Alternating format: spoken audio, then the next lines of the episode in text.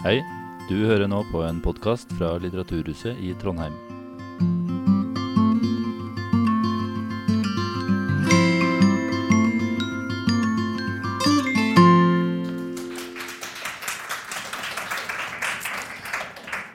Takk skal dere ha. Og så hyggelig med så mange kjente fjes. Det er alltid godt å føle at man er blant venner. Eh, men vi tar også opp så vidt jeg vet, til podkast eh, i kveld. Så hvis det er noen som har noe de brenner inne med eh, helt på slutten av denne samtalen, eller noe de virkelig ikke skjønner hva vi preika om, eller noe de har lyst til å få utdypet, så er det fint om de kan snakke inn i en mikrofon. Det er en praktisk info fra meg. Yes. Vi sitter da altså her for å diskutere tre av de nominerte til Nordisk råds litteraturpris. En pris som skal medvirke til å øke interessen for nabolandenes litteratur og språk. Og altså da en pris som har eksistert siden 1962, fant jeg ut her i stad. Eh, til denne prisen så eh, er det noen 13 nominerte, og vi skal diskutere tre eh, bøker. Så det er jo veldig mange av de nominerte vi ikke kommer inn på.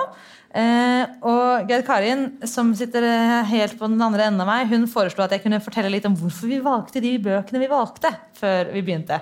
Og da må jeg jo bare si at det var litt eh, tilfeldig. det handlet litt om at når jeg begynte å se på dette, så er jo jeg nordist. Også i den måten at jeg syns at det nordiske språkfellesskapet er utrolig spennende. Jeg synes Det er veldig flott hvor mye mer litteratur vi får tilgang på med en gang vi legger på litt svensk og litt dansk. Så jeg tenkte vi kunne styre unna de norske. For det tenkte jeg fikk eh, sendeflate andre steder.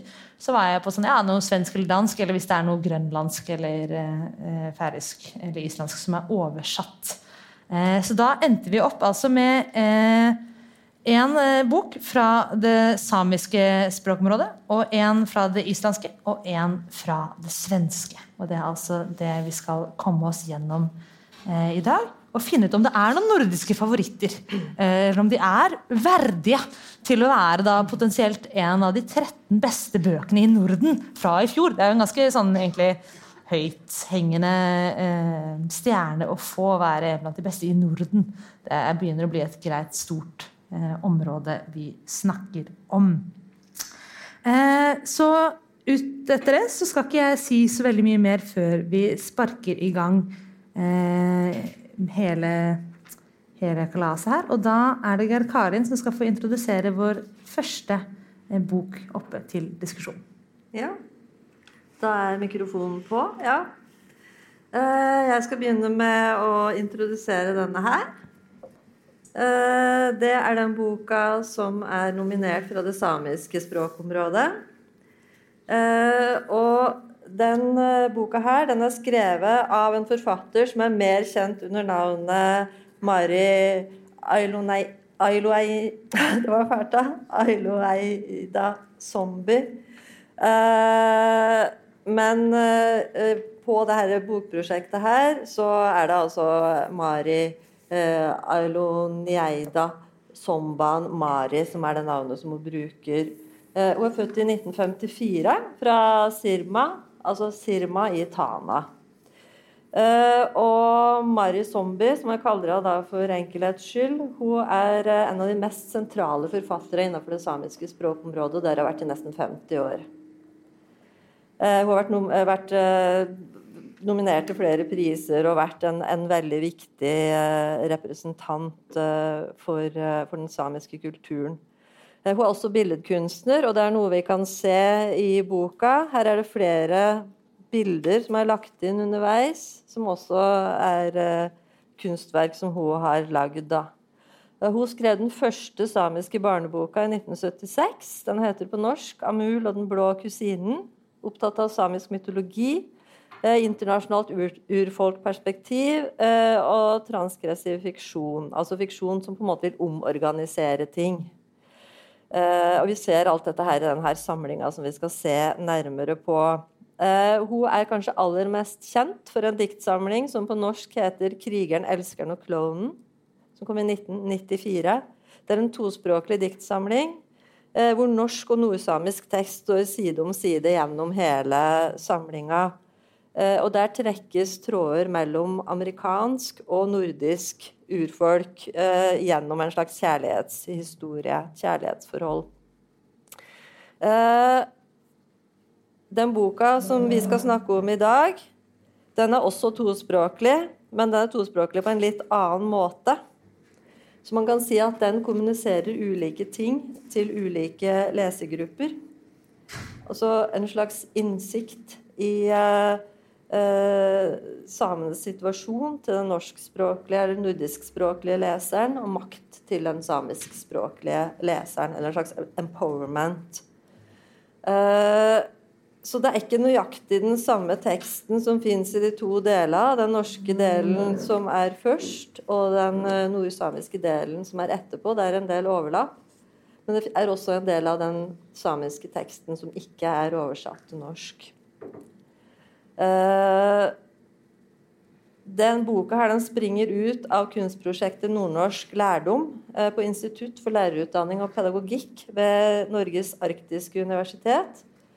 Uh, og dette var et prosjekt som ble satt i gang i forbindelse med markering av at Trondenes seminar, som ble etablert i 1826, og Tromsø lærerhøgskole, er Norges eldste lærerutdanning.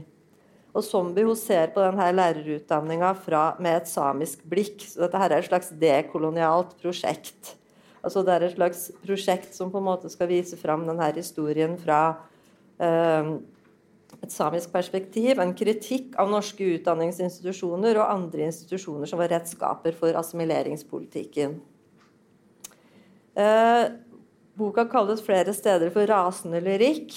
Eh, og den gir uttrykk for et slags oppdemma raseri over maktmisbruk, rasisme og forakt. Det er en av aspektene av den, men det er flere aspekter ved den. Eh, og den ble i 2021 eh, tildelt prisen Årets vakreste bok av Grafil. Vi ser veldig godt at Zombie er en kunstner som beveger seg mellom kunstarter i denne utgivelsen. Eh, som også finnes som nettbok, så det går an å eh, se på den på, på nettet. Eh, vi ble bedt om å lese et utdrag som en slags introduksjon til diskusjonen. og jeg skal lese et utdrag fra prologen i den norske delen. prologen heter 'Da de brente meg levende på Noaidebålet'. Og dette her er ikke begynnelsen, men det er liksom den andre sida av den prologen. Har samene noen gang skrevet sånne lover for nordmannen at alt tilhører dem, for dermed å kunne sable ned nordmannen i retten, siden de selv har skrevet lovene? Ville samene ha stressa seg opp og begynt å forfølge norske barn, bygget store indoktrineringskamre for dem? Ville samene ha frarøvet dem deres barn, tvunget barna til å bli hos dem selv for at det skulle bli folk av dem. Vi hadde aldri noen agenda med dem å gjøre et annet menneske så fredløst. Hvis de nå er mennesker, disse kaldblodige reptilene, så umenneskelige og følelsesløse som de er. Og der finner vi jo på en måte igjen den norske tittelen på boka 'Leve blant reptiler' så er det sånn at det, den, det, det som jeg leste opp nå uh, fra prologen, det befinner seg også i den uh, samiske delen av boka, men der er det plassert annerledes. Det er ikke prolog, der det er plassert uh, lenger ut i den samiske delen, så der får det en helt annen funksjon. Så det er sånn at de deler som er oversatt til norsk, de er plassert annerledes enn de er i den, den samiske delen. Eh, har jeg tid til å si litt om det andre perspektivet? Ja, ja, altså For min del ja. så må du gjerne gi oss en litt sånn pedagogisk ja. inngang. For dette ja. snakket vi om litt uh, dette, Nå gjør jeg også det jeg sa jeg skulle før vi begynte. Uh, men uh, for en, i hvert fall meg, og for jeg vet de andre i panelet, og sikkert for en stor del av deres, er dette med samisk litteratur noe som er en litt sånn beskjemmende flekk, hvit flekk, i vår hukommelse og vår, vårt kunnskaps mm. vokabular. Eh, jeg jobbet jo selv en liten periode på Røros folkebibliotek og innså da, når vi skulle ha sånn eh, utlån og sånn rundt samles samenes nasjonaldag, eh, hvor lite jeg kan om den samiske mytologien, om det samiske mm. språket. Og i det hele tatt, jeg kan telle til ti på utrolig mange språk, men ikke på noen av de samiske språkene. For eksempel. altså, det er utrolig eh, hvor lite man kan. Så det at vi har med Geir Karin eh, i dag, som faktisk har forsket litt på samisk litteratur og har, har litt kunnskap. Det syns i hvert fall jeg er veldig flott, så jeg tar, ja, tar all introen jeg kan få. litt- Da sier jeg litt om det andre perspektivet og det som vi på en måte egentlig ikke har tilgang til som reptiler. Eh, altså, det å gi kraft til sama, det handler i denne sammenhengen som Zombie eh, skriver seg inn i, mye om det spirituelle. Kraften i sola og naturen og åndeligheten som står eh, veldig sentralt i den samiske kulturen. Eh, og jeg skal eh, lese opp en oversettelse av eh, et lite utdrag som ikke er oversatt i boka. Det er fra side 65 i boka. Der går noen linjer som følger på norsk. Joik, kraftfulle joiker, som varer i all evighet og enda lenger, der vi en gang kom fra solens barn. Som de fleste sikkert vet, så er samene da ifølge mytologien solens barn.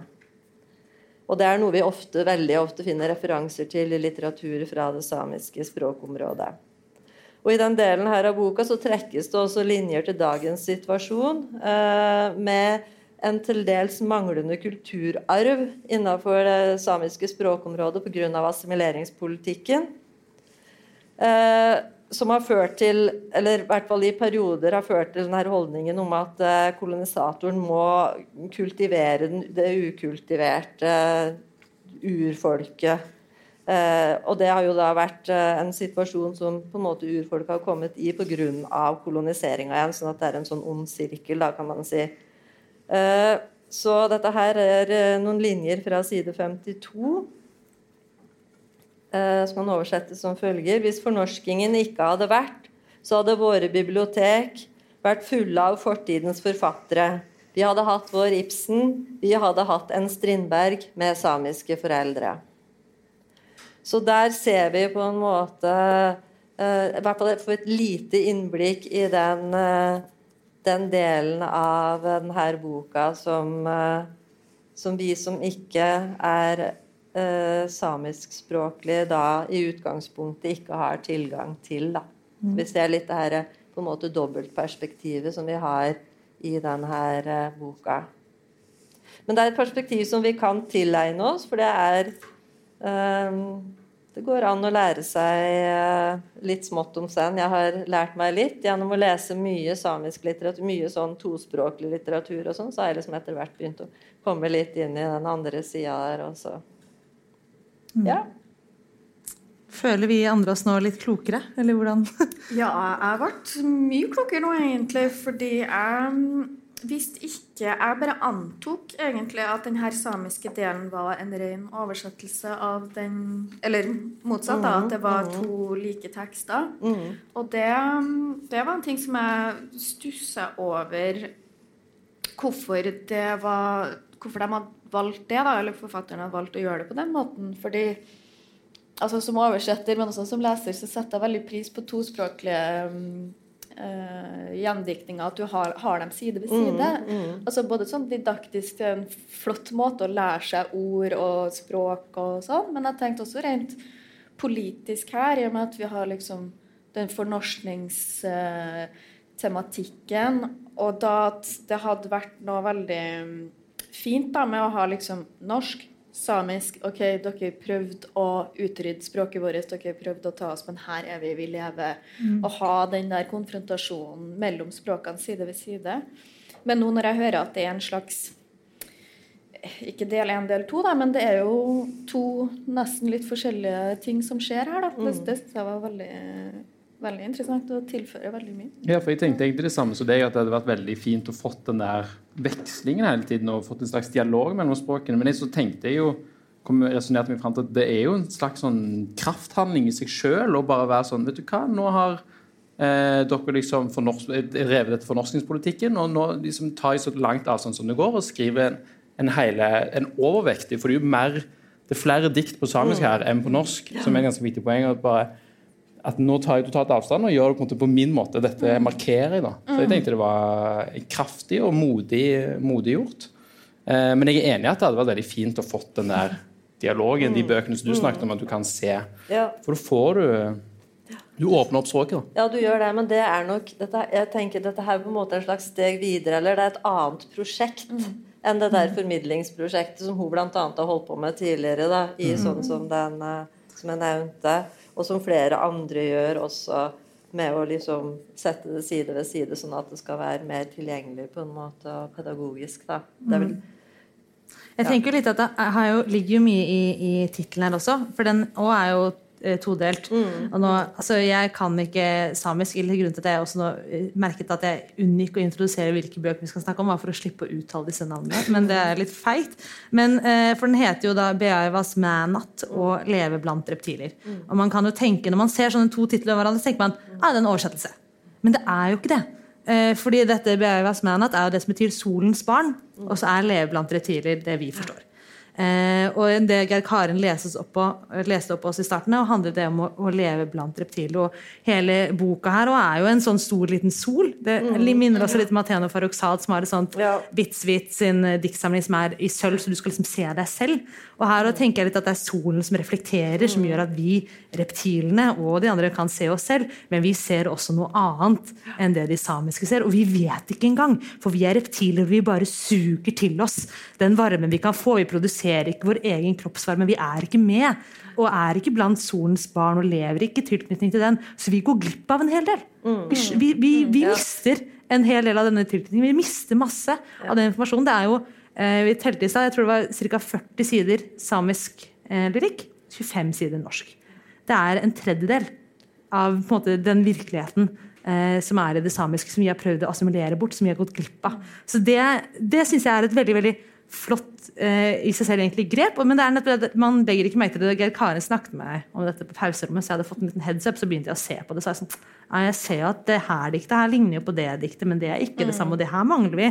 Men jeg, det jeg også syns at det gjorde, at det står i den Nordisk råds sin presentasjon av denne boka, så skriver de om at det handler også om kraften i landskapet, om sola, som Geir Karen veldig sier. Og det syns jeg ikke at jeg fikk så mye i den norske delen. Så jeg tenker det må ligge i den samiske, Ja, og det det skulle jeg gjerne hatt. Det er i den norske delen nå. Og det syns jeg. Ja, jeg, jeg, jeg syns ikke det var nok av det til at jeg syns at det fikk det ut av, men kanskje jeg var en, en dårlig leser. Nei, men det er, det, men det er jo det blir jo Altså, vi har jo den herre eh, Midnattssol på side 35, for det er eksempel.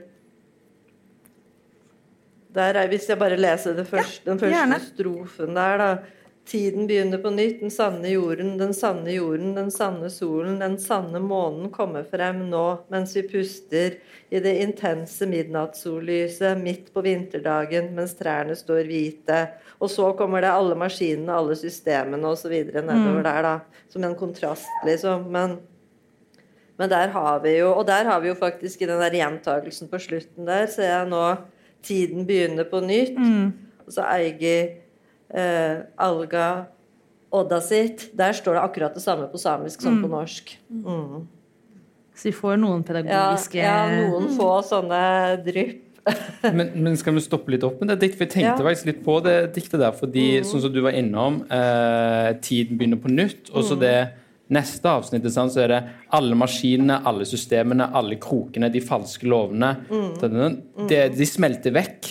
Eh, vaskes verden fri. Liksom Mm. at det, det, vi blir fridd for alt dette her. Var det bare jeg som leste dette i litt sånn klima Jeg følte nesten det ble en slags sånn ikke at hun glorifiserte at nå skal vi inn i en ny tid der vi kanskje endelig må ta inn over oss denne kontakten til naturen, men jeg syns det var et eller annet eh, at hun, hun ville iallfall få til en forandring, og nå skal det ikke skje med bomber og brak Nei. og granat, som det står, men det skal skje med at vi at naturen på, blir så påtrengende at vi er nødt til å endre vårt forhold til naturen. Um, og det var Jeg syns det var finurlig og tankevekkende dikt. Uh. Ja, og det er jo absolutt et aspekt ved på en måte uh, kulturen til veldig mange urfolk. At det er veldig uh, sterke bidrag til miljøvern eh, og liksom veldig, Ja, det, sånn har det jo vært på en måte hele tida, men, men det er veldig mange framtredende skikkelser, da. Fra, fra urfolk over hele verden innenfor miljøbevegelsen og liksom kampen for miljøet. Og at en del av de på en måte levesetta og holdninga og alt det som, som de har til naturen, har vist seg å være mye mer bærekraftig enn det eh, industrisamfunnet og vi som er et produkt av opplysningstida, har vært.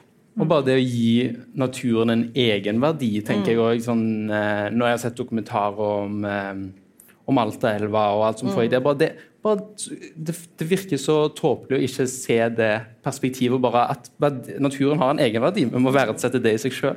Eh, og det er fint å bli påminnet det òg.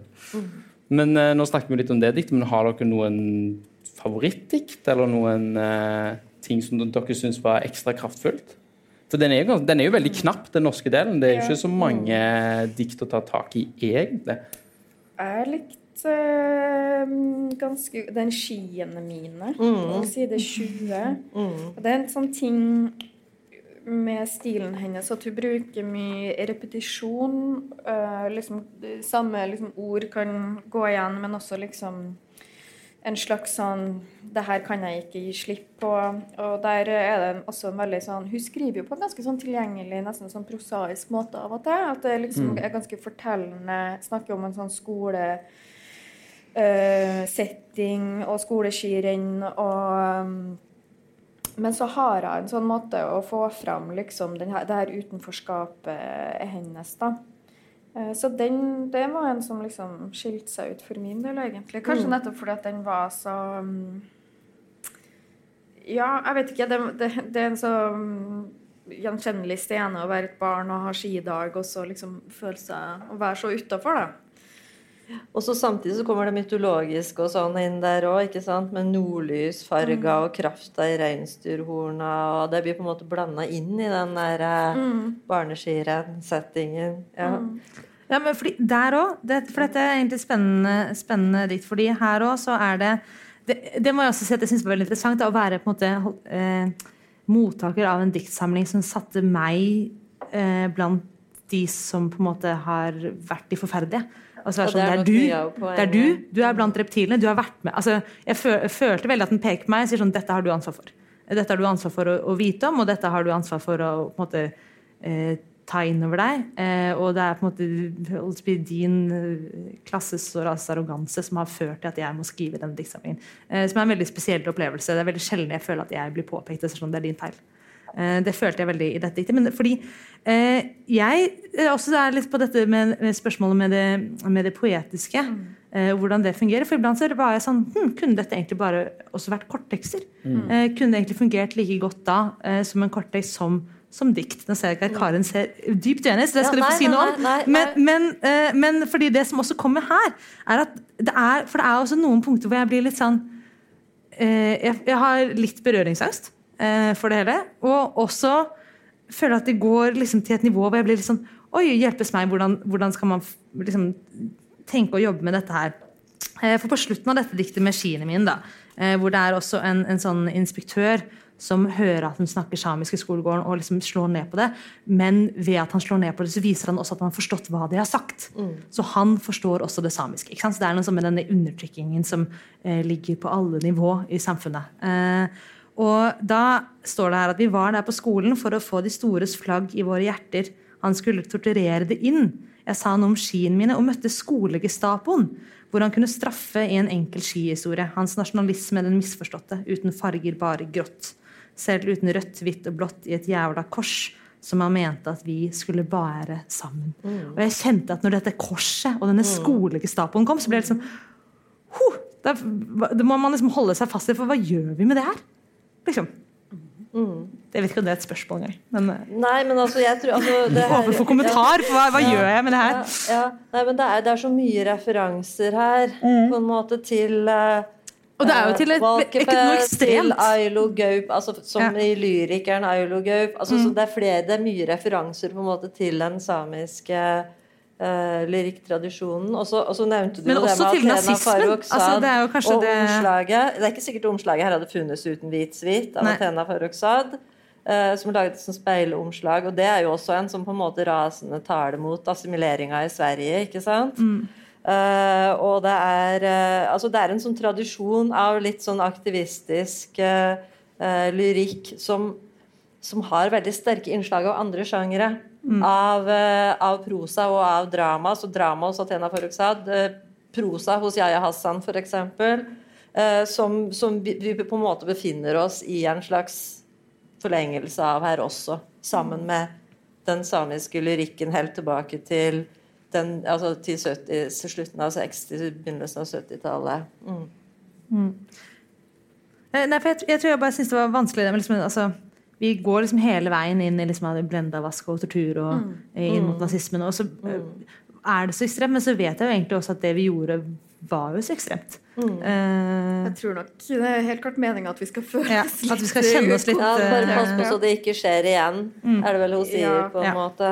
Ja, og hun er jo ganske mye eldre enn oss, ikke sant? så hun har jo på en måte opplevd uh, tider som vi ikke har opplevd. Hun begynte jo også å skrive på 70, tidlig på 70-tallet. Men hvis vi skal tenke på det aktivistiske, og at vi ikke skal ta ja, at vi skal ta det til, til innover oss, det fæle vi har gjort, og at det er en sånn enorm slagkraft der, det skal være poenget, så tenker jeg at føler iallfall jeg at prosjektet ikke nødvendigvis lykkes helt heller, fordi eh, det, det, er liksom, det er kanskje litt det du sier, da, Hanna, det er så prosaisk, det er veldig sånn rett fram. At eh, Og det er ikke et, jeg, jeg kjenner Jeg blir jo provosert, men jeg, samtidig det blir ikke det blir ikke et knyttneveslag i magen. Det kjenner ikke jeg av, eh, av de diktene. Jeg vet ikke om det er for, at de er for rett fram, at det er for enkelt, at det er for prosaisk. Jeg vet ikke hva det er, men eh, jeg får ikke den der virkelige punchen, da. Eh, og dette kan jo være min konfliktskyhet og min sånn berøringsakt, som du sier. Så de diktene som treffer meg, er nesten mer de lune Ja. og mer uh, neddempa og generelle, da, som tar opp denne kontakten til naturen. og Jeg syns eh, nesten det lykkes mer med det språket Ja, hun jeg- fører i. Ja, og jeg tror at det er et veldig viktig aspekt. Og jeg tror at det der at, at det blir kalt for rasende lyrikk i omtaler og sånn, det tror jeg er litt altså Det er ikke misforstått, men det er bare at det er litt reduserende.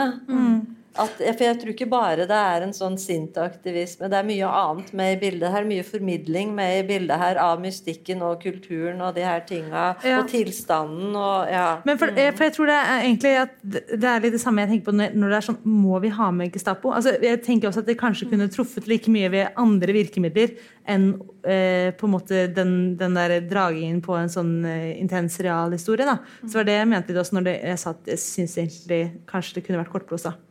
Eh, like mye som poesi. For er det liksom ikke noen andre grep i poesien man kunne, man kunne trukket litt mer på. Men jeg synes altså dette, eh, jeg, synes, jeg er veldig enig i Grafilmen denne årets vakreste bok. Da, det må jeg si. Jeg synes den bokas eh, altså Hvor mye man kan lese bare ut av omslaget. Og så har vi også noen sånne der, eh, eh, bånd, både på innsiden her og på baksiden, som ser litt ut altså som er sånne der brikkevevbånd. Eh, som vi både jo har i den norske bunaden, men også i den samiske koften. Ja. Eh, og at du har denne overgangen mellom at det er en, først en veldig gul side, så er det veldig rødt. Eh, så er det hvitt med rød skrift, og så etterpå så er det eh, hvit med blå skrift, og så har du disse eh, bildene innimellom. Og det i seg selv blir jo liksom en overgang fra det samiske flagget til det norske flagget, som er rødt, hvitt og blått. Og du har denne gule solen som lyser på forsiden, men som også reflekterer ditt eget ansikt og liksom konfronterer deg med deg selv. Altså, det i seg selv syns jeg på en måte er fantastisk poetisk kraft i, eh, men kanskje ikke så mye. Og prosjektet, ja, men kanskje ikke så mye liksom, gjennomførelsen. Mm. Men det er en eh, altså Jeg er veldig glad jeg ble konfrontert med det. da. Det må jeg si.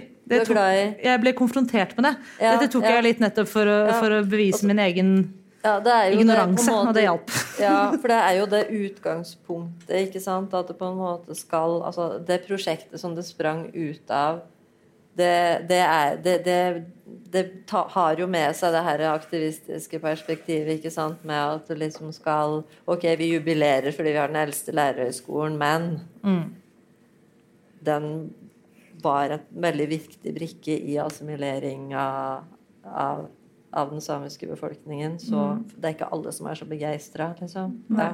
At man det- ser ting litt kritisk, akkurat som i forbindelse med grunnlovsjubileet. Ja. Så var det jo også masse som handla om, om behandlinga av det samiske og andre øh, grupper. Ja, Under Troante, som var vel i 2017, så var det jo premiere på denne filmen 'Sameblod'. som jo også er en Mm. Fantastisk Ja. eh, Ja. skildring eh, av nettopp er skadene med- assimileringspolitikken har gjort Ja, i mange mange generasjoner. Ja, jeg tror det er med det er- realhistoriske er litt med at man på en måte må, man må skrive Man må øh, peke til historia for å liksom ta et oppgjør med den og Mm. skrive den om.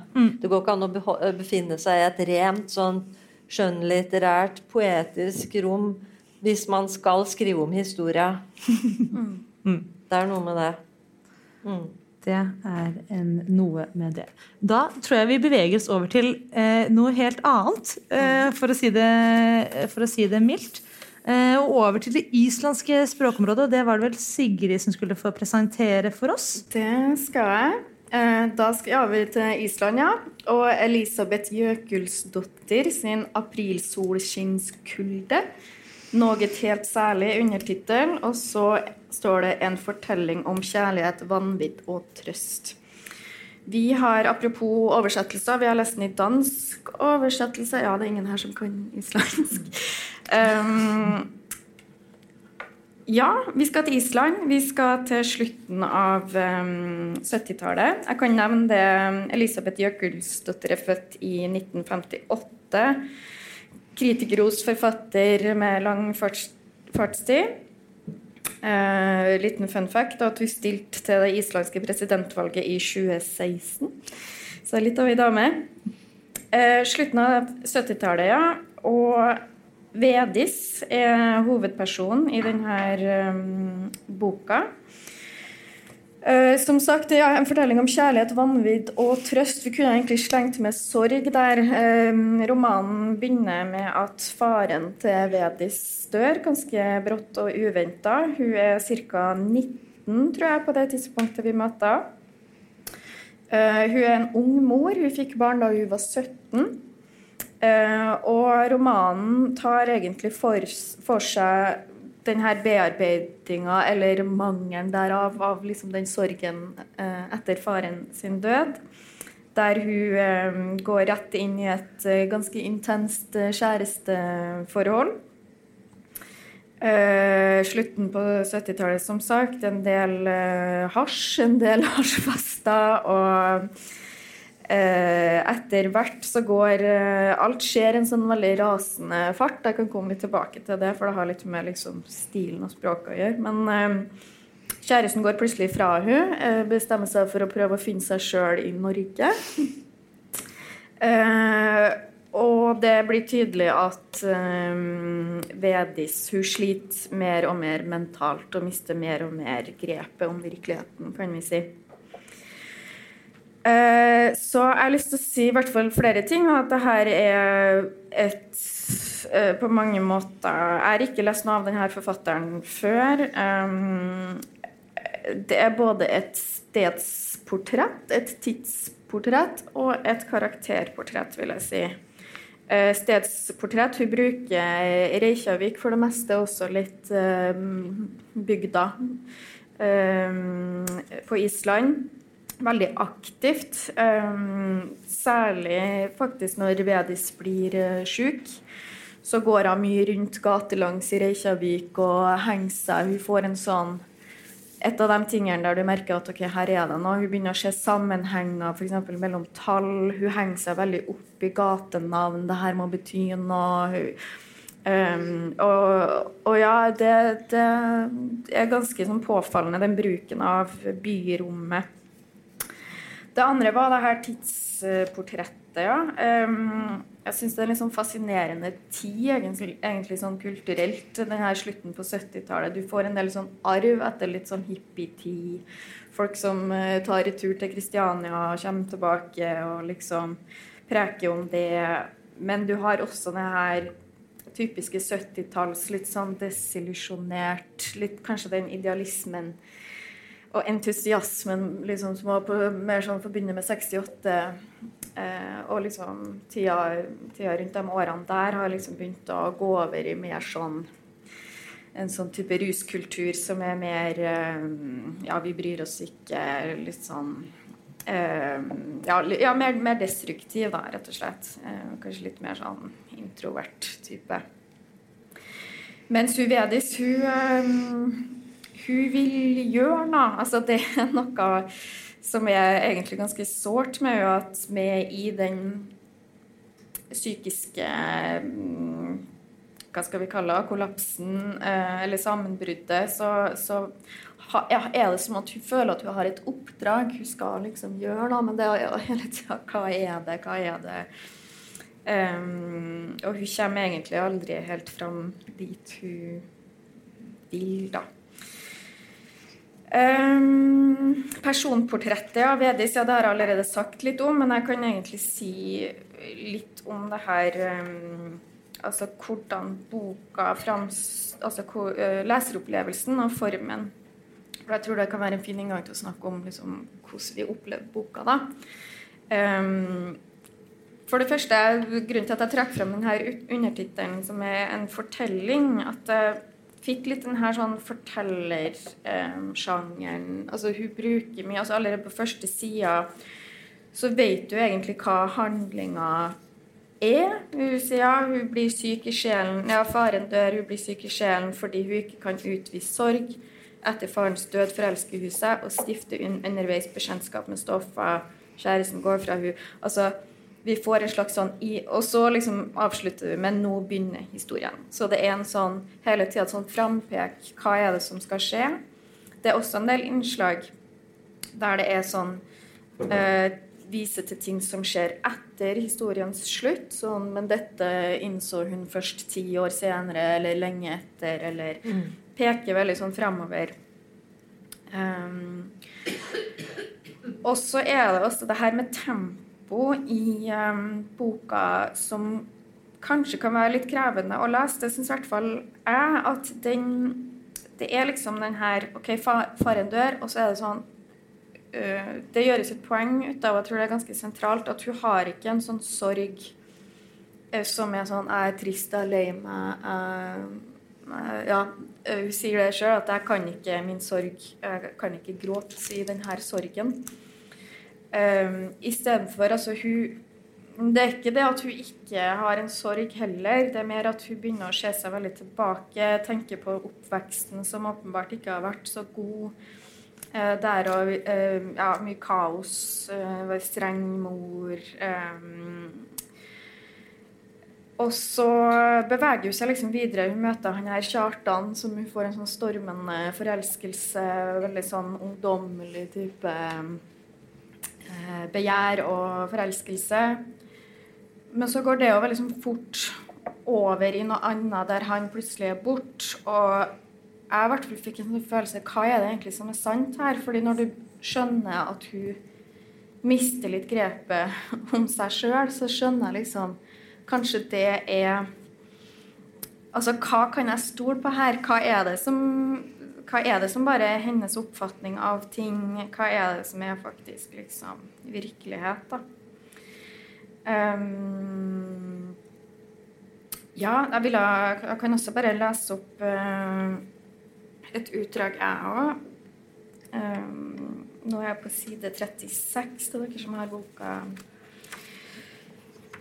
Um, under det psykiske sammenbrudd etter farens død styrtet verden i grus, og hun tvang den opp på himmelhvelvingen igjen ved å unnlate å gråte.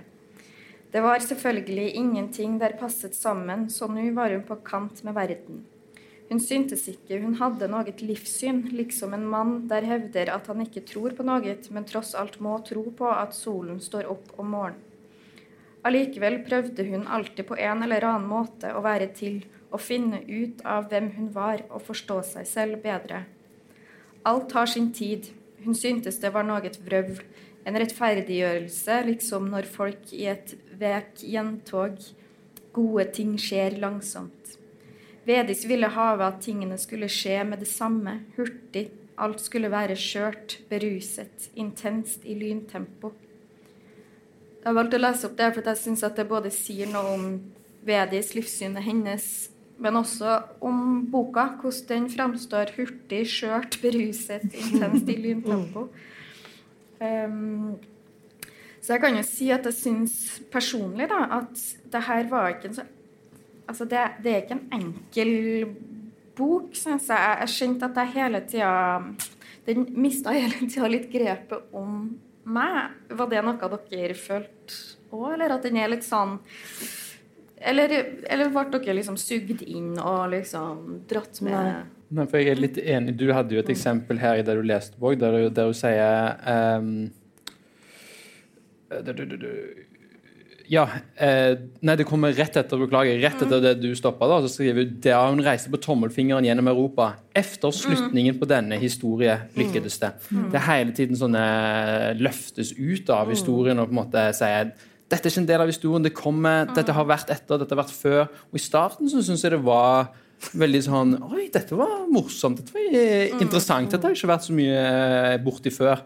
Men etter hvert så merker jeg at det ble, det ble litt sånn utmattende. Som du sier at eh, Men hva er det da som er den historien? Hva er liksom Prøv å, å få det ned på papir. Og, og det er en sånn motstand der hele tiden, og etter hvert så er jeg helt enig i at det ble litt eh, det ble slitsomt. Mm. Og det skal nok være det, men spørsmålet er Altså, det er noen ting Altså Bare sånn rent logiske ting. Hun har jo en sønn.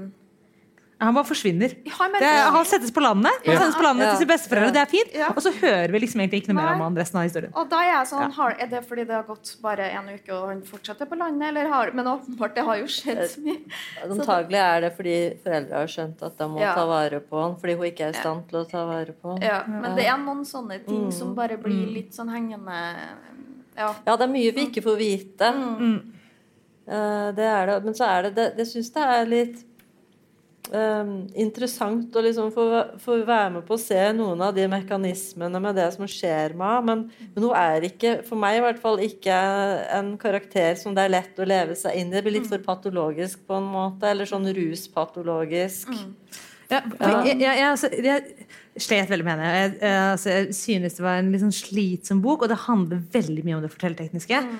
Som er sånn, nå kommer denne historien jeg var, I starten så var jeg sånn hva, altså jeg skrev sånn, Hva slags bøker begynner sånn? har jeg skrevet. Altså, Er dette et eventyr? Eh, hvor, er, hvor er vi? Sjangermessig? Jeg aner ikke. Vi er liksom helt på viddene. Eh, fra sånn, jeg har jobbet for mye på, på sånn basisemner på NTNU. Nå, så jeg har veldig lyst til å klassifisere ting og klare liksom, forstå ting. Og kunne sette det i en eller annen en, skjønne, skjønne det. Og det gjør man ikke. Og så tar det liksom litt tid, og så etter hvert så skjønner jeg at ok, men hun holder på å bli litt sprø. Altså, hun holder på å bli litt gæren. Eh, så det er det, som, det er det som gjør at denne boka er litt sprø. Eh, og du får egentlig ganske tidlig vite for at nei, grunnen til at alt gikk så galt, var at da hun var liten, så fikk hun ikke gå i kjole. Det er på sånn side 29. Og så liksom på side 148 så konfronterer hun sin mor med at da, det, grunnen til at jeg har det så fælt at da jeg var liten, fikk jeg ikke gå i kjole. Og så er moren sånn, ja, men du ville jo ikke gå i kjole.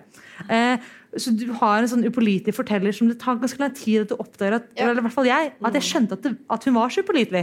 Så jeg liksom godtok ting og var, prøvde å finne et eller annet system i dette her.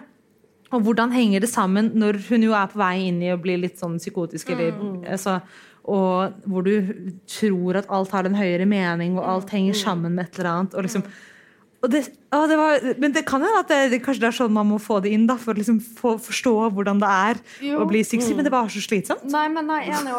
Men det er en sånn bok der med en gang Jeg, jeg, tenkt, tenkte sånn Å nei, OK, det her var slitsomt. Og så når jeg hadde lest den ferdig, så kjente jeg jeg har lyst til å lese den igjen. Og da er det noe Altså, jeg har lyst til å lese den på nytt.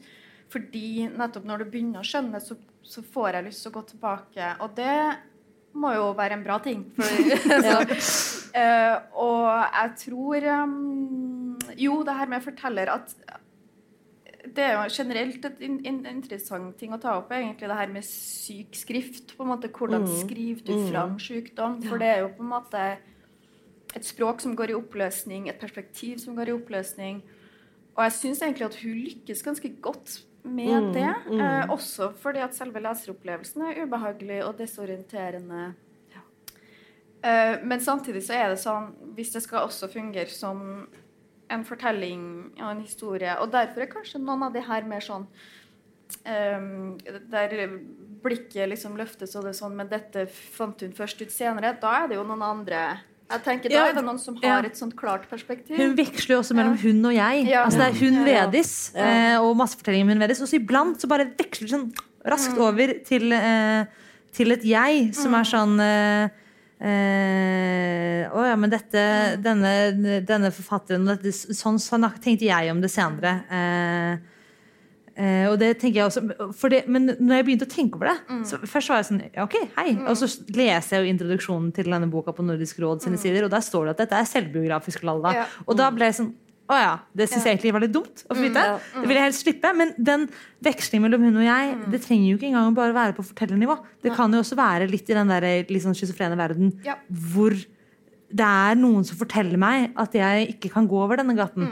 Eh, og da har du plutselig en splittelse hun og jeg. Så da var jeg sånn da likte jeg det bedre. enn. Men det, det er liksom hele tiden den derre at jeg skjønner ikke helt hva i fortellerhandlingen og fortellersituasjonen som tilhører på en måte det her, og hva som er på en måte bare sånn, ja, men det er en selvbiografisk fordeling, så jeg bytter litt mellom hun og jeg. Ja, ikke sant. Men etter hvert så gjør du vel det Har samme opplevelse som meg, antar jeg. At, fordi etter hvert så, så blir det veldig åpenbart da, at hun er syk. Og Ja, ja, ja, ja, det skjønner man skurrer litt, men Ja. etter hvert så er det liksom det bare raser, da. Ja, ja, ja. Og, og det, ja, det kommer litt sånn drypp, og så bare skjønner man ok, nå er vi på vei utfor her. Og da er det sånn som du snakket om, Sigrid, at jeg syns den måten hun har klart å, få, å skriftliggjøre den, den sykdommen der, det syns jeg var fascinerende. For det er Ja. så enormt driv og energi i teksten. ja, man, blir, man bare henger seg på den der Ja, forstyrra for du måten må å se nesten bare henge deg på. Ja, du må bare- Du må på en måte Ja. slippe taket og henge Ja. deg på, og da funker det. Ja, og det klarer hun å få meg med på som leser, så det har jo virkelig lykkes, da. Ja, og det er jo faktisk, altså, Dette er en bok på sånn 170 sider, og det er liksom de 70 siste sidene, det er fjerde kapittel. Eh, og fra da, da, er hun, da er det bare sånn tyde tegn. Eh, kan jeg, jeg kan gå i kryssegata, jeg kan ikke krysse gata. Broren min heter dette, og han heter det. Og, disse, og det, det var en sel! Denne myten om denne personen på en sel, det betyr noe. Og jeg skal reise til flyplassen, jeg skal reise til min fars grav, og så får hun sin bestefar til å drive og kjøre seg rundt og prøve seg sette seg inn i en taxi og har ingen penger å betale med, men hun skal steder, for hun skal gjøre noe helt særlig. Ja. Det er liksom denne som kommer igjen eh, fra, fra tittelen. Hun er utvalgt til å gjøre noe helt særlig, og hun har sin helt egen særlige verden, og det betydde noe særlig. Alt det kommer i liksom fjerde kapittel, denne følelsen av at det er jeg som er og skal noe helt eh, særlig. Og Nå har vi vært innom det fortellertekniske, og noe av det jeg synes var veldig spennende sånn fortellerteknisk også, er at hun eller de leker veldig med sånn både tidsslag og perspektiv. Så eh, på et tidspunkt så, så skal Vedis flytte inn i et nytt hus. Eh, og da skriver eh, Hun forvandler seg til huset. Hennes følelser går i forbindelse med veggene, og hennes ideer rører loftet. Hun var dette hus. Sådan var hun. Nå var hun lukket inne i historien. Eh, tegnet hun et bilde av det og var sikker på at hun aldri ville flytte derfra. Og i mange herrens år etter hun hadde flyttet, ble hun ved med å drømme om huset. Moské flyttet hun aldri ut av det. Moské bor hun der stadig. Huset er farlig. At, liksom, hun, hun tar perspektivet inn i huset plutselig. Men eh, da er det jo sånn som vi snakket om eller Når jeg leste det, så ser jeg ikke det som et sånn sykdomstegn, men det er jo noe Når jeg leser det nå, så er det jo eh, en del av dette her Ja, er det- sykdomsoppbyggingen. Når jeg bladde gjennom det på nytt for å liksom ta noen notater til å snakke om det etter å ha lest den, så var jeg sånn Men herregud, det er jo synlig hele veien. Ja. Det er synlig fra side én. Men, du, du bare, du, ja, men du bare skjønner det ikke. Altså, det, var, det, så det synes jeg er veldig flott. Og jeg synes også det du sier om at det med perspektivskifte, også, også som du sier de snakket om at hun er så god til å skape sånn. Det jobber hun veldig mye med at hun kommer fra en familie som er vant til å fordekke, hvor du egentlig ikke sier hva du mener, men alt du ikke mener. Altså Det viktige er å, å kunne forstille seg og kunne være noe annet. Mens Hans Kjartan som hun forelska i, han kommer fra en slekt av sjømenn og fiskere, og de vet at det du må si, det er det du mener. Fordi Hvis ikke så dør du. ikke sant? For Hvis du trenger hjelp og trenger at noen gjør noe, så må du klare å kommunisere det. Mens hennes eh, familie er kunstnere og forfattere og er mer, og akademikere og mer opptatt av å forstille seg og kunne være en annen enn det de er. Og også sånn når Hun da kom, altså hun vil nå være noe helt særlig og vil komme inn i dette huset, så tror hun at nå for det står det også, tror jeg, i forbindelse med dette med når hun kommer inn i huset, står det sånn Nå kan eventyret begynne. Da er det plutselig sånn oppramsing av noen dverger og noen nøk syv nøkler og noen greier. Som også sånn, og nå kan eventyret begynne. Mens i starten sa vi at fortellingen kan begynne. Så da plutselig så har vi jo også bytta et, et modus, men man skjønner liksom ikke helt, Nei, eh, helt hva det betyr. Men det, det hele tiden den koblingen opp mot språk, og hva betyr språk, og hvordan kan man jobbe seg forbi det. da, Som jeg syns er ja, morsomt. Eh, unnskyld. Nei, jeg skulle bare si at Man skjønner ikke helt det, det med forholdet til familien heller. for sånn jeg det, det, det blir jo etter hvert tydelig at dette er en eh, kunstnerfamilie, akademikerfamilie. og og på, på et tidspunkt så virker det som at det har vært veldig sånn kaldt og veldig fælt og en tøff oppvekst. Men så kommer det passasjer der det er liksom de tar vare på hverandre og har det egentlig ganske fint. Jeg, jeg, der òg er det liksom sånn fram og tilbake. Jeg har hatt en bra oppvekst, dårlig oppvekst. Det er hele tiden sånne, sånne vekslinger. Det er vanskelig å, å gripe fatt i. Og, sam- og det gir jo den opplevelsen du snakket om, Sigrid. Når man har lest den Jeg kunne bladd om og begynt å lese den på nye Ja, ja, Liksom. Jeg, jeg får lyst til å gjøre det. Om hun på en måte har vært syk egentlig helt siden hun var liten, sånn at hun på en måte ikke har Ja, I hvert fall siden, siden denne fortellingens begynnelse. Ja, ja. Så er det noe, Som, der ligger det noe. kan ha altså, For hva det er som har gjort at barndommen hennes har vært så vanskelig. Det er jo på en måte litt uklart Ja. om, om det er hun som har vært fraværende, eller om det er de andre som har vært fraværende. Mm. Så at det kan være noe som på en måte har hengt med hun Ja, og kanskje er det spor, De har en nabofamilie, eller hun bor ved siden av noen som Mm. har flere barn. Og så er det den yngste. Hun går på ball, men når hun ikke går på ball, så, eller sånn danseballer eller dansetilstelninger, og når hun Mm. ikke går dit, så er hun veldig deprimert. Og moren skjønner ingenting, for hun har hatt den samme oppveksten som alle de andre. Ja, ikke sant? Ja, ja. Eh, Så det, er jo, Så det, ligger jo kan- kanskje noen ja, sånne mulige paralleller der, i, ja. i dette. Eh, Men vi må rett og slett tror jeg, Ja. gå videre til, eh, til vårt siste språkområde, som er det som er nærmest hjemme, tror jeg. Og vi egentlig sorterte bøkene i rekkefølge fra det vi selv følte kanskje var det vanskeligste, til det letteste. Så nå er vi kommet til Sverige. Ah, søta bror er vi ved nå, og det er det Magnus som skal få lov til å introdusere.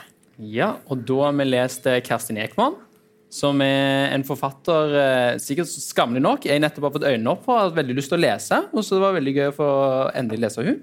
Eh, hun er født i 1933 i Sverige, og hun er jo en av Nordens fremste nålevende forfattere. Eh, hun har gitt ut nesten 30 bøker og vunnet en rekke prestisjefylte priser, bl.a. Nordisk råds litteraturpris en gang tidligere, i 1994. Eh, og det som var litt interessant, og når jeg leste om den boken du vant for da, den heter forresten 'Hendelser ved vatnet'. Eh, at den har noen likhetstrekk til den eh, boken hun er nominert for i år, så kanskje har hun eh, funnet oppskriften. For der er òg handlingen lagt til et område sånn cirka midt i Sverige, sånn rett øst for der vi sitter nå, cirka. Og det er en sånn blanding mellom kriminalroman og naturskildring. Og begge disse sjangrene, kriminalromanen og naturskildringen, er det som har prega Kristin, eh, Ekman sitt forfatterskap. Eh, Men i den siste delen da, av forfatterskapet så er det spesielt naturskildringen som har vært fremtredende. Eh, og hun er spesielt kjent for at det er sånn veldig presist og kunnskapsrikt. Eh, og i 2007 eh, så ble faktisk Kerstin Ekman tildelt prisen Skoglig hedersdoktor med Sveriges landbrukshøgskole. Så hun har sånn enormt kunnskap om skogen spesielt. da. Eh, og det er i skogen vi befinner oss i denne boken her òg, Løp av verg. Eh, der følger vi da Ulf Norstig, som er en pensjonert skogsforvalter som altså jobber hele livet i skogen. Eh, er nå bosatt i en sånn liten bygd i Sverige, eh, der han er mm, er leder for det lokale jaktlaget. Så han har den kontakten til naturen. Eh, men så skjer det noe, da. Det er det første som skjer i romanen. Er at Ulf har et sånt enormt eh, spesielt møte med en ulv. Han kommer veldig tett på, på en ulv. Kan se for seg denne ulven her. Eh, som, som han kaller høgben, for det skal være en veldig stor og grasiøs og fin ulv. Eh, og det som skjer etter det møtet, er rett og slett at ulv eh, Ulf eh, Åh, ja, ja, ja, ja. Lett å blande her. han, han, har, eh, han har en sånn eh, nesten sånn religiøs oppvåkning. Han får en sånn enormt oppvåkning der han plutselig stiller seg helt kritisk egentlig til alt han har gjort i livet. Så det er jo ganske jævlig, da. Han, eh, hva, I alle dager hvorfor han jobba i skogsforvaltningen, hvorfor han drev med jakt. Hva er det egentlig han har holdt på med? Eh, det skjer da helt i begynnelsen av boken. Eh, og så resten av boken er egentlig at vi følger Ulf sitt liv og dette her eh, selvoppgjøret med seg sjøl, eh, sammen med konen Inga. Så denne kjærlighetsfortellingen i det ekteskapet er òg veldig viktig. Og de sitter og, og lager kaffe og spiser smørgåser og leser bøker. og Han begynner med et sånt prosjekt om at han skal gå gjennom jaktjournalene sine. For noe må han ta seg til. For som sagt, jakt driver han ikke med lenger, så han melder seg ut av jaktlaget. Og så skjer det litt forskjellige ting i dette her bygden. da. Men jeg, jeg tenkte ikke jeg skulle gå innom alt som skjer, for det, det, kommer sikkert innom i løpet av samtalen. og sånn. Men eh, det er liksom dette her ulvemøtet og dette er kjærlighetsforholdet til konen Inga som er liksom det mest sentrale, føler jeg i alle fall, i denne boken. Og da tenkte jeg at jeg skulle lese et lite utdrag for å få fram dette. Eh, og så er det jo et veldig veldig fint språk, så det håper jeg også at jeg får fram i dette utdraget. Jeg levde et vanlig liv. Og så er jeg veldig dårlig å lese svensk, så dere får eh, prøve å holde ut med det. bra ut. Ja, som er så bra. Enkelt i starten. Eh, antageligen skulle det inte være så mange år til. Inte med den her an angi anginaen. Han har sånn hjerteproblemer. Eh, men i alle fall et, et vanlig og til og med bra liv. Ømhet unnades meg. Iblant som fina bredda smørgåser. Iblant som hud mot min. Ofta, forresten. Men jeg kunne ikke fullfølge den forventan som omheten vakte hos båda. Jeg antar at det var medisinernes fel. Hur som helst fant vi oss. Omheten tok inte slutt. Iblant bragade vi ihop. Det hadde vi alltid gjort. Två sterke viljer tornar imot hverandre som tunge godsvagnar. Vi var fullastede med levd liv, også med åsikter og oppfatninger og annet ovidkommende. Men forstås og framfor alt med vilje. Det gnislade inte, ble aldri langdraget. Vi kom i gang igjen. Vi levde et vanlig liv. Jeg gjorde det. Sen så jeg den der vargen. Så han lever et vanlig liv, og så ser han denne ulven, og så endrer alt seg. Eh, og det er fascinerende å være med på den reisen som skjer òg. Er dere enig i det? Ja. Jeg Og, ja. Ja, nei, for jeg, er litt lenger ned altså, enn der du leser nå. Så er det sånn, Jeg så honom og mitt liv var ikke lenger vanlig. Jeg begynte å ifrågasette mine sjel, altså mine motiver og mine grunner. Og, og sjela døde at avverka efter plan. altså drive og hugge skog et plan. Så det er som du sier, han, han ser den ulven, og så er det liksom bare sånn totalt gardin. Og nå slags- ja, nei, vet jeg, nå vet jeg ikke lenger hva jeg skal gjøre med noen ting. Og også i sånn det, er, det er så totalt på alle nivåer. så Det er så, egentlig så flott, for det går i språket. for han, han snakker til sin kone eh, egentlig litt eh, tidligere i romanen, dette her, men, men eh, eh, som handler om sånn, hvor han snakker om alle han har dødat. Og så sier hun sånn Alle du har dødat? Du mener vel alt? Ja. Du har skutit. Og så er han sånn Ja, man sier vel kanskje ikke alle om dyr. Man sier kanskje alt, og så begynner han sånn men, men, men i krig sier man da alle man har skutt, eller alt man har skutt, eller alle? Og så, så den derre språklige sånn altså det, går, det går liksom helt ned på språknivå. Da. Hvordan går grensen mellom menneske og dyr? Hvordan er det vi snakker om menneskene og dyr? Og det at han kaller denne ulven for høgben òg, så er han sånn kan jeg egentlig kalle den for høyben? For hvordan, hvordan, hvordan kan jeg kalle det dyret for noe? Fordi dyret er ikke dyr. Og han prøver og sånn, og dyret er i skogen, men dyret vet ikke hvordan gran er.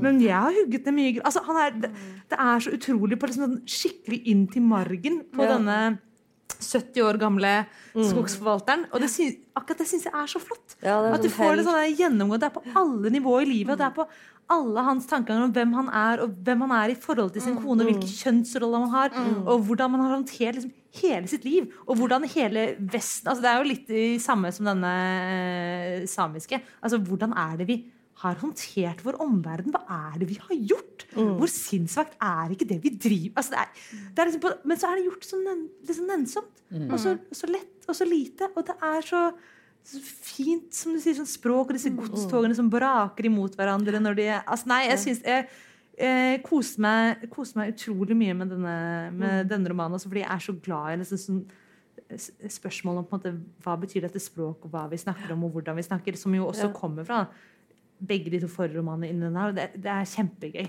Ja, og akkurat det du sier, at liksom kritikken er liksom Den samfunnskritikken er så nedtona, og da får han den slagkraften i tillegg. Det er liksom bare Ulf som sitter der og har en sånn liten tanke, og så, og så er det ikke så langt nødvendigvis, men det, det bare har en sånn enorm slagkraft eh, og tankevekkende i, i et veldig sånn enkelt og konkret språk. Og det er så imponerende å få til, syns jeg. Ja, det er veldig imponerende. Og så er det jo, han, han får jo ikke til å fortelle det til Inga, kona, Nei. at han har sett den her ulven og fått et sånt nært forhold til den. Så han forandrer seg jo.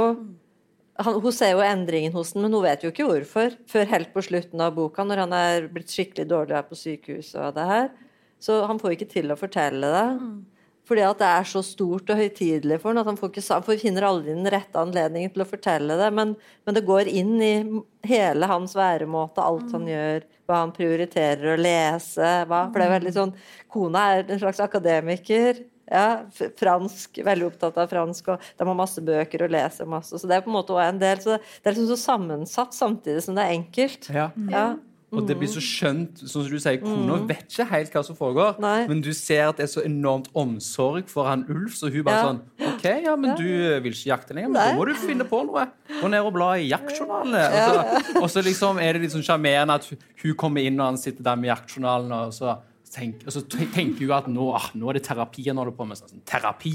Det er jo faen helvete. At han liksom må sitte og bla i hva han har gjort med dyr. Så det er liksom denne her dynamikken mellom de Ja. to er så Ja, er sjarmerende. og det, er sånn varme som stråler gjennom hele boken, egentlig. Mm. For, for å ta sitat for Terapi, trodde hun, men det var skam og helvete jeg letade Ja. efter. Og så litt senere.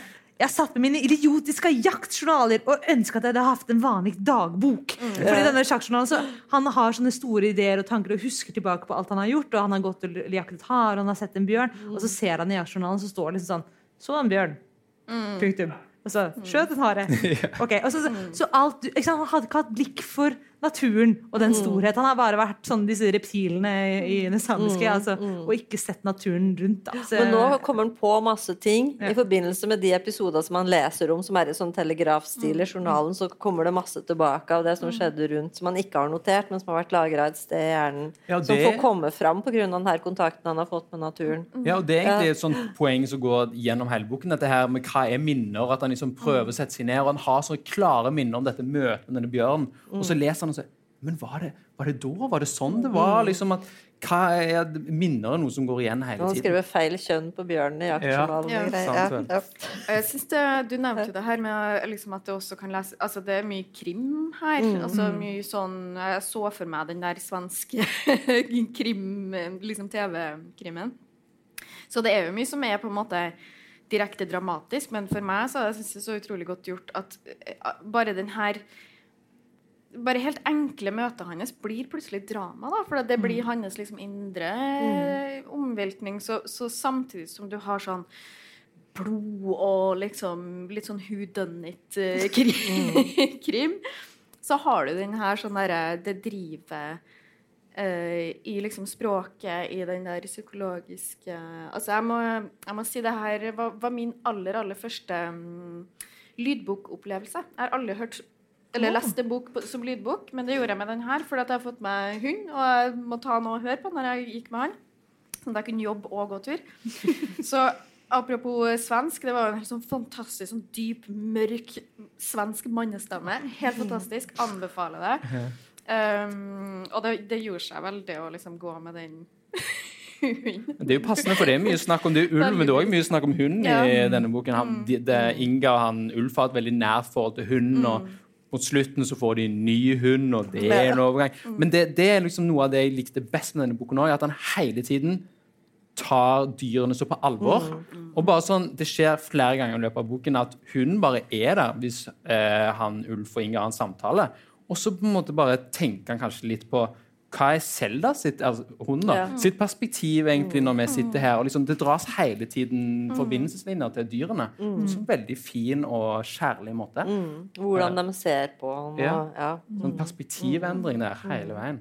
Det er mye, det er mye kjærlighet og mye godhet i denne altså for jeg, altså, Det må jeg si at eh, av altså den, den krimbiten som er, det, er, det skjer altså da et eller annet lovbrudd i denne uh, romanen, og så skal de prøve å oppklare det, og det er liksom en sånn ja, det det er skjer på ganske sent. Ja, det skjer ganske Og, og det syns jeg på en måte Ja, ja, det var en greie. Men det er jo den der utrolig kjærligheten som er både mellom Ulf og Inga, som er veldig veldig flott i måten den er på en måte sånn nedtont, og bare i sånn hvordan de uh, snakker med hverandre, hvordan, hva de gjør med hverandre.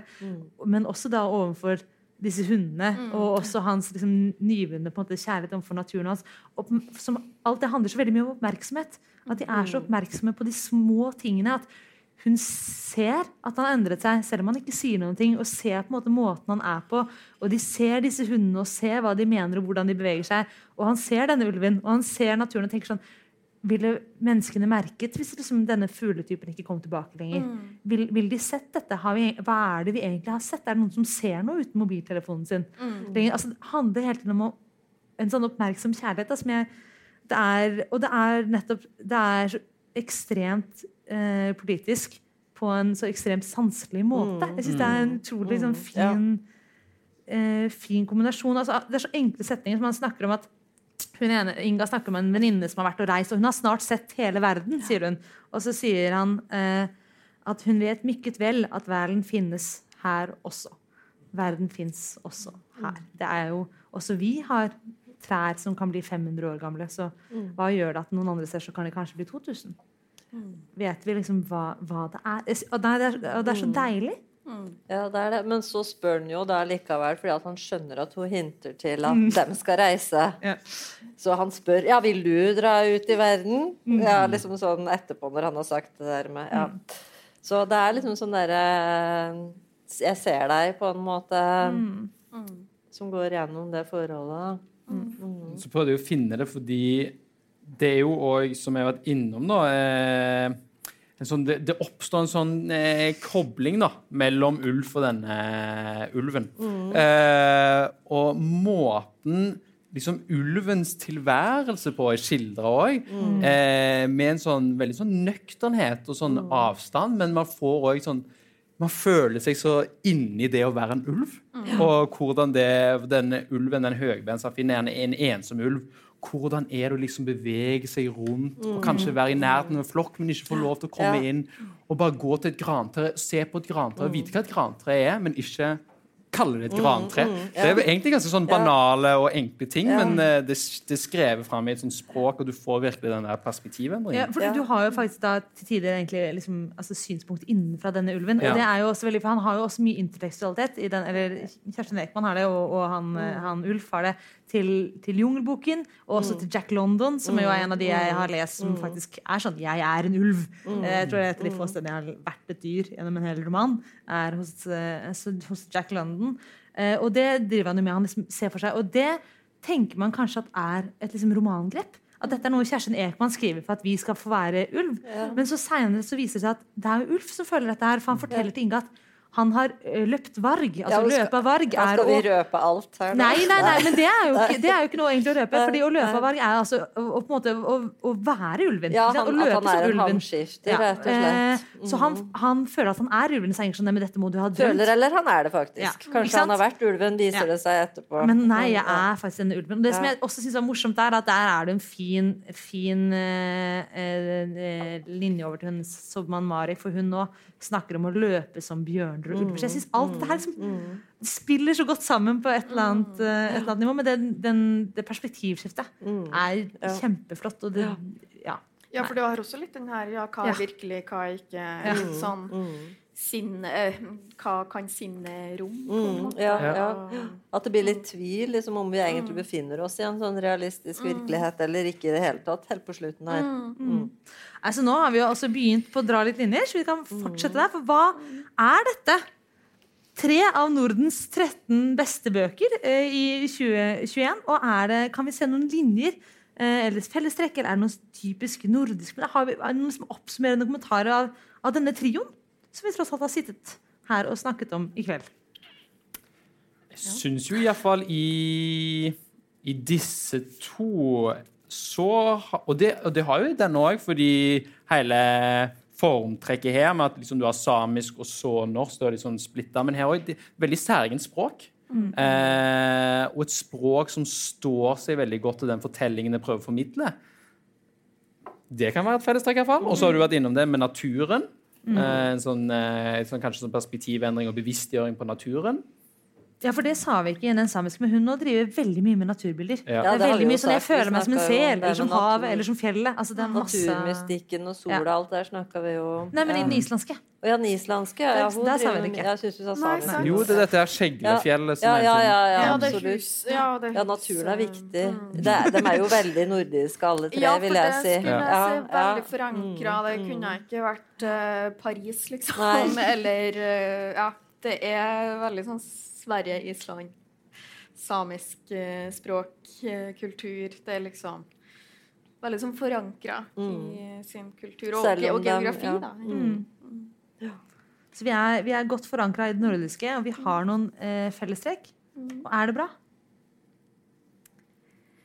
Jeg tror, jeg, jeg kan si at jeg tror det kom fram liksom kanskje fra Ja, ja, ja. samtalen Men jeg fikk, jeg fikk nemlig Det første spørsmålet vi gikk av scenen sist, på men er det bra, var noen som spurte meg men, men var de bra. Så da var jeg sånn OK, vi, spør, vi, må, vi må prøve å oppsummere om det jeg er har tenkt masse. Det er det som har vært min forberedelse. Sånn, er det bra? Er det bra? Um, jeg tror kanskje det kom litt fram av diskusjonen at Mm. løpeavar var kanskje den som var enklest å like. At den var liksom Det er noe med språket, det er noe med liksom eh, Så den føler jeg sånn jeg kan helt ukomplisert si den er bra. Det tenker jeg i hvert fall. Er Det var litt brå slutt. Eller Ja, litt rar ja. slutt. Mm. Ja. Men ellers likte jeg den kjempegodt. Vi- Hvis vi fjerner krimplottet. Eller sånn, ikke, ikke ta Ikke, så mye hensyn til fjerner det. det, men kanskje det, akkurat det kunne kanskje vært jobba litt mer med. Krimplottet, men resten det syns jeg var veldig bra. Ja, hva med den, eh, den eh, islandske og den samiske? Når vi, vi er, føler oss hjemme og komfortable og har det bra med Kjersten Ekman som målbærer også en måte å tenke natur eh, på som vi kanskje føler oss veldig komfortable med. Og lever i en verden som vi også føler oss hjemme i. Hva med de to litt mer fremmede? Jeg vil jo si, sånn som Sigrid kom inn på sitt poeng òg, at jeg, når jeg kjente på samme trang at jeg fikk lyst til å lese på Solskinnskulde på ny, nesten med en gang jeg hadde lagt den vekk. Og det tenker jeg er et kvalitetstegn. Og jeg likte veldig godt energien i den boken til tider, og språket. Og liksom den gjorde som var morsom underfundig veldig ofte. Og så var det deler som var svakere. Eh, men likevel. Iallfall den vil jeg si òg er bra. Ja. Eh, bra. Bra, bra, bra. Eh, men eh, ikke like klart eh, bra fra min side, i alle fall. Altså den siste, den uh, til Mari Zombie, den er jo Det er jo på en måte mer et kunstprosjekt. Ja. De, de andre er jo på en måte uh, Skutt i en historie i seg i, i større grad, ikke sant? Dette her er jo mer konseptkunst. Ja, jeg følte også at Ja. den, den krevde liksom Man må på en måte grave litt mm. eh, i hva, hva den er, og hvem hun er, og nettopp Ja. hva prosjekt Og være veldig mye mer oppmerksom. Så den krever kanskje Ja, den krever mer av leseren. Den gjør jo det enn det de andre gjør. Ja. Men samtidig så har han jo en enormt umiddelbar eh, slagkraft òg, med at han, er så, at han er så flott. Den er så sant? visuell. Den er så visuell. Ja. Det er så mange fine bilder og omslaget. Og, Ja. så, Og det er jo, det skulle, vi skulle jo hatt et stort bilde av forfatteren som vi kunne slått opp på en tavle, for det ser jo liksom ut som altså, Det er jo sånn punker-image på den her eh, relativt eh, modne dama. Ja, Her, det er så s- punkete. s- som har skrevet ja, i så lenge som hun har, ikke sant? Og, ja. Så, Så- det er jo veldig sånn tøff eh, og markant forfatterskikkelse vi har med å gjøre Så vi gråter ikke hvis noen av disse vinner Nordisk råds litteraturpris 2022. Eh, og vi håper at eh, dere nå, sånn som Nordisk råds litteraturpris ønsker, har eh, blitt mer oppmerksom på den andre litteraturen som fins i Norden. Det har i hvert fall vi, tror jeg, lært litt om. Håper dere lærer det og lærer det litt videre, og kanskje til og med plukker opp flere av disse nominerte eh, fram mot utdelingen nå eh, mot våren. Så da er det vel egentlig bare å si tusen takk for oss til alle som kom.